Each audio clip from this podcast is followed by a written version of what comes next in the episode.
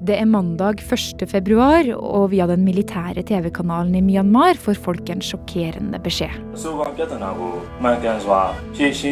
Demokratiet de har levd i de siste årene, er slutt. Ferdig. Over og ut. Eller som nyhetsoppleseren kaller det, er de i en unntakstilstand. Lederen i landet, Aung San Suu Kyi, er pågrepet. Gatene er fulle av militærfolk, og internett og telefonlinjene er ned. Og vips var Myanmar blitt et militærdiktatur. Igjen. Men hvordan havna de her? Du hører på Forklart fra Aftenposten, og jeg er Marit Eriksdatter Gjelland. I dag er det onsdag 3. februar. Selv om det er mye som har gått riktig i Myanmar det siste tiåret, så er jo ikke dette et land som har vært et uh, rent demokrati og uten problemer. Det har vært massevis av skjær i, i, sjøen, ikke minst for Aung San Suu Kyi, som jo til og med nesten har blitt fratatt uh, en fredspris. Men et statskupp, det var det mange som ble overrasket over, inkludert meg selv. Kristoffer Rønneberg, du er jo utenriksjournalist her i Aftenposten og støtter stadig med i Forklart. Og så har du til og med skrevet bok om Myanmar. Altså, hvordan gikk det så galt at det ble noe statskupp? Jo, dette har mye å gjøre med at Myanmar egentlig aldri sluttet helt å være et eh, militærdiktatur. Etter at eh, Myanmar løsrev seg fra Storbritannia i, på slutten av 40-tallet, så, så, gikk det en liten periode hvor man uh, funderte på hvordan man skulle styre dette landet fremover. Den diskusjonen tok brått slutt i 1962. Da overtok militæret styringen av hele landet. Og den kontrollen den beholdt uh, militæret i 50 år. Og de drev landet som et lukket, isolert militærdiktatur, hvor økonomien gikk helt til stampe, og hvor befolkningen uh, ikke hadde det spesielt uh, godt. Men til tross for dette her, så, så, var det mange mennesker i landet som kjempet for at Myanmar skulle bli et demokrati. Og I 1988 så var det en gjeng med studenter som begynte å demonstrere i gatene. Og det utviklet seg til å bli en ganske stor bevegelse. Etter hvert så fikk denne bevegelsen en lederskikkelse, og det var Aung San Suu Kyi. Og Aung San Suu Kyi, hvem var hun, Kristoffer? Noe av det viktigste man trenger å vite om Aung San Suu Kyi, er at hun er datteren til Aung San, som var selve landsfaderen til det moderne Myanmar. Eh, han var mannen som tok landet ut av kolonitiden, ut av uh, britisk kontroll, og slik at det ble et eget fritt land. Men Aung San Suu Kyi hun bodde i, i utlandet på, på 80-tallet. Hun var gift med en britisk akademiker, bodde i, i Storbritannia. Og så dro hun hjem i 1988 fordi moren hennes var syk. Og det var akkurat da, da hun var hjemme på dette sykebesøket, at demonstrasjonene begynte å, å vokse til å bli en stor bevegelse i, i Yangon, den største byen i, i, Myanmar. Så litt sånn tilfeldig så ble hun involvert i disse demonstrasjonene. Og pga. den statusen hun hadde som datter av Wang Sang, og fordi hun viste seg å være en utrolig karismatisk eh, person og en, og en eh, naturlig lederskikkelse, så ble det hun som symboliserte hele denne bevegelsen. It's not a matter of wanting to become a president, but I would like to have the, uh, the authority to push through the changes that our party considers necessary for the country. Og de her demonstrasjonene mot diktaturet ble så store at militærjuntaen til slutt bestemte seg for å holde valg i 1990. Egentlig bare for å vise at det var de som satt ved makta. Men det gikk ikke helt som de hadde håpa, for demokratibevegelsen gjorde det mye bedre enn militærjuntaen. Og partiet til Aung San Suu Kyi endte opp med å vinne hele greia.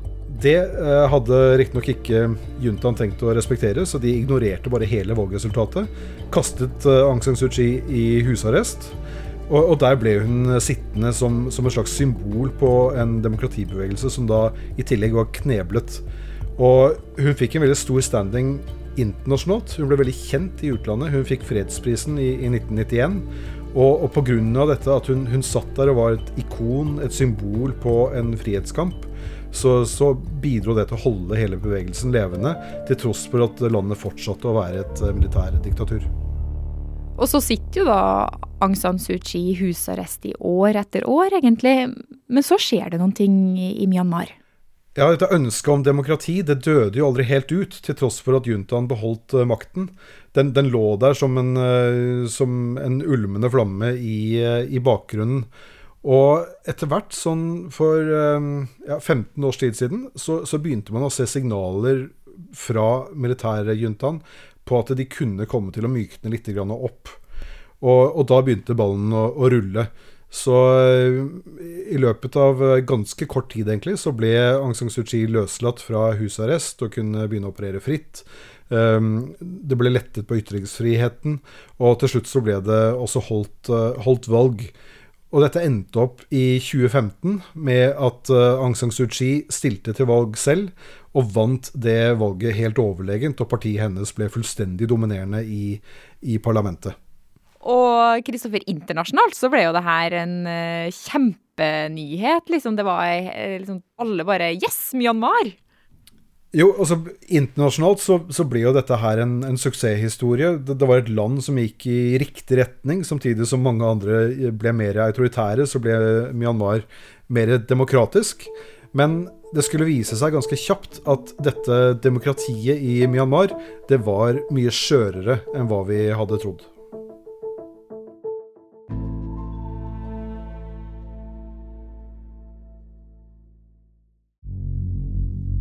Selv om det fra 2015 så ut til at Myanmar var på vei i riktig retning, og at uh, demokratiet vokste fram, og man hadde frie valg, Aung San Suu Kyi var ute av husarrest og ledet uh, landet, så var det mye under overflaten som tydet på en annen virkelighet.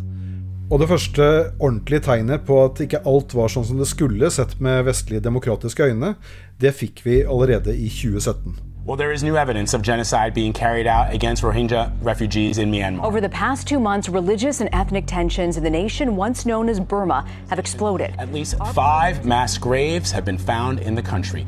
The graves were confirmed through interviews with survivors. For da begynte forfølgelsene av rohingyaene for alvor. Denne muslimske folkegruppa som lever nordvest i Myanmar, har egentlig blitt undertrykt og rett og slett vært i konflikt med myndighetene i mange år. Men bare noen år etter at Aung San Suu Kyi kom til makta i landet, så skjedde noe. Da gikk en militær rohingya-gruppe til angrep mot noen politistasjoner. Og det fikk militæret i landet til å se rødt. Det som skjedde i 2017, var at nesten hele resten av befolkningen, altså 700 000 mennesker omtrent, ble kjeppjaget ut av landet og over grensen til Bangladesh. Og dette var veldig brutalt. Eh, landsbyer ble, ble, brent ned. Eh, det var utstrakt bruk av voldtekt. Mange ble drept. Og over en eh, periode på, på, noen uker så klarte rett og slett regjeringssoldatene å nesten tømme hele den regionen for rohingyaer. Og de endte opp i, i, leirer på andre siden av grensen i, i Bangladesh. Og det her skjedde jo mens fredsprisvinneren Aung San Suu Kyi satt med makta. Så hvorfor gjorde ikke hun noe, da? Dette var nok veldig skuffende for mange som hadde hatt Aung San Suu Kyi som en, eh, som en helt i, i, så mange år. Hun, hun var jo selve symbolet på, på frihetskamp eh, og, og, fredelig motstand mot uh, diktatur. Og der satt hun som den sivile lederen i Myanmar og gjorde ingen verdens ting, protesterte ikke, mens regjeringssoldatene voldtok og drepte og kjeppjaget en hel minoritetsbefolkning ut av landet. Det var nok veldig skuffende for mange. Men dette viste jo også i veldig stor grad hvor lite makt Aung San Suu Kyi faktisk hadde i Myanmar. Spesielt når det gjaldt eh, hva regjeringssoldatene og hæren eh, foretok seg. Og det mange kanskje hadde glemt, eller uh, valgt å ignorere i, i, gledesrusen over den demokratiske utviklingen i Myanmar, det var jo at bak kulissene, der satt generalene fortsatt og hadde ganske god kontroll på hva som skjedde i dette landet. For selv om Myanmar offisielt nå var et demokrati, så hadde militæret sikra seg noen ordninger som ikke var helt etter demokratioppskrifta. En ting de hadde sikret seg, var at 25% av alle setene i parlamentet var garantert å gå til, eh, til Forsvaret. Og så kunne man da i tillegg ha valg om de resterende 75 hvor Aung San Suu Kyis parti og andre, inkludert militærets eget eh, parti, kunne kjempe om, om, makten. Men de hadde altså minst 25% og det var viktig fordi det forhindret eh, Suu Kyi og andre fra å endre på grunnloven. Og én ting som sto i grunnloven, det var at Aung San Suu Kyi ikke kan bli president. Så hun kunne være Eh, den fremste sivile lederen og utvilsomt den mektigste sivile personen i Myanmar. Men president det kunne hun ikke bli uten å endre på grunnloven. Og det satt, uh, satt generalene og sørget for at, uh, at, det ikke var mulig å gjøre. Så uh, hvor mye makt hadde og har militærjuntaen fortsatt i Myanmar, da, Kristoffer?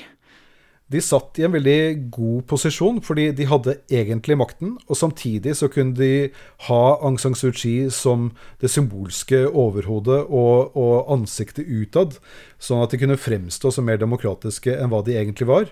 Eh, og selv kunne de sitte i bakgrunnen og tjene masse penger og ha den reelle kontrollen over Myanmar. Men selv om de hadde denne makten, så ønsket de jo også legitimitet. Og, og legitimitet det får man jo ved valg. Uh, og dette valget i 2015, som, uh, som Aung San Suu Kyi uh, vant i, med så klar margin, det, det, gjorde jo ikke akkurat at, at de, de, gamle generalene hadde legitimitet. Så de håpet jo at ved valget i 2020, det som ble holdt nå i november, så ville de øke sin andel av, av stemmene, og dermed også setene i parlamentet.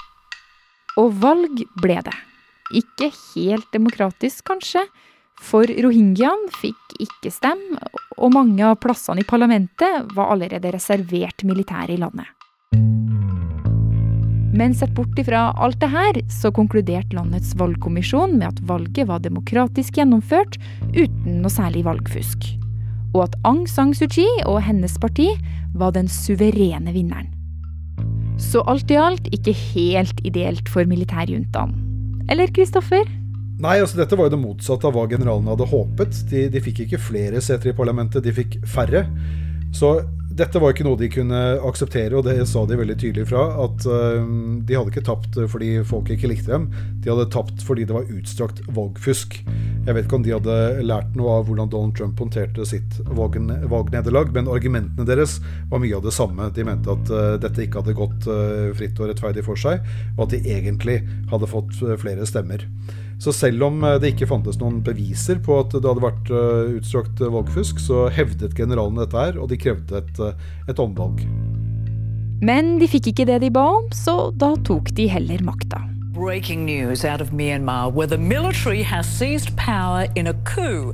På samme dag som den nyvalgte nasjonalforsamlinga skulle møtes, så ble Aung San Suu Kyi og flere andre regjeringsmedlemmer pågrepet av militæret. Og grunnen jo, ifølge militærjuntaen selv så skulle de bare ordne opp i alt det her med valgfusk som de fortsatt mente hadde skjedd. Og derfor så, så de det nødvendig med en unntakstilstand på ett år. Hva nå enn det betyr. Ja, Det virker jo litt vilkårlig, dette med ett år. Og det er jo, det er jo for så vidt noe de fleste generaler sier i ethvert land når de gjennomfører statskupp.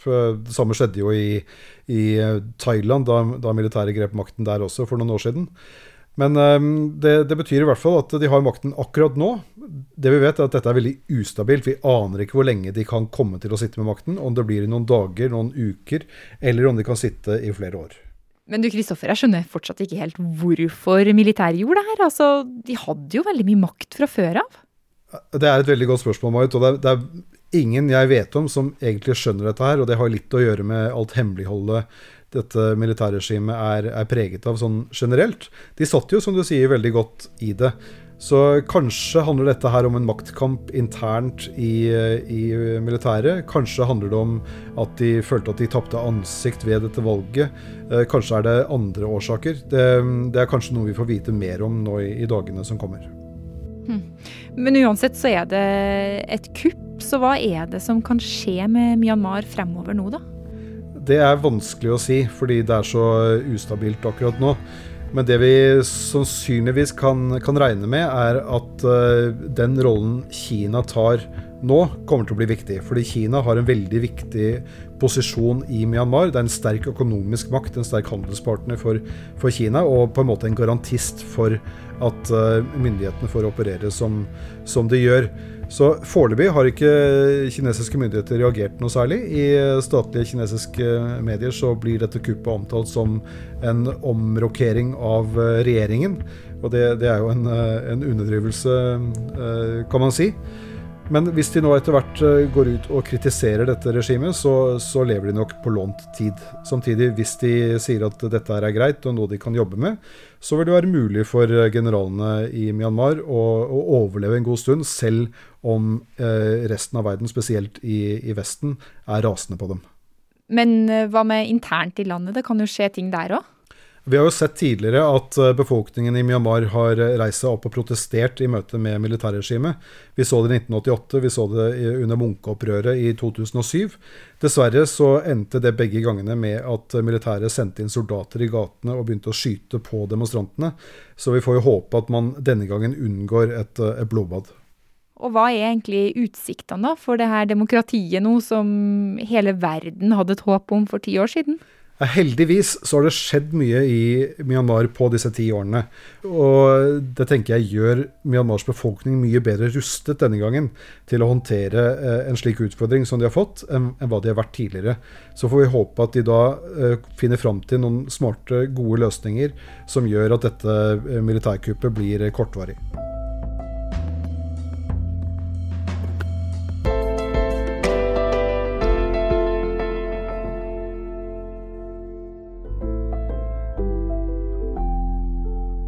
Denne episoden var laga av produsent Ina Swann og meg, Marit Eriksdatter Gjelland. Resten av Forklart er Anne Lindholm, Caroline Fossland og David Vekoni. Du har hørt lyd fra CBS, CNN, ABC, VG og nyhetsbyrået AP.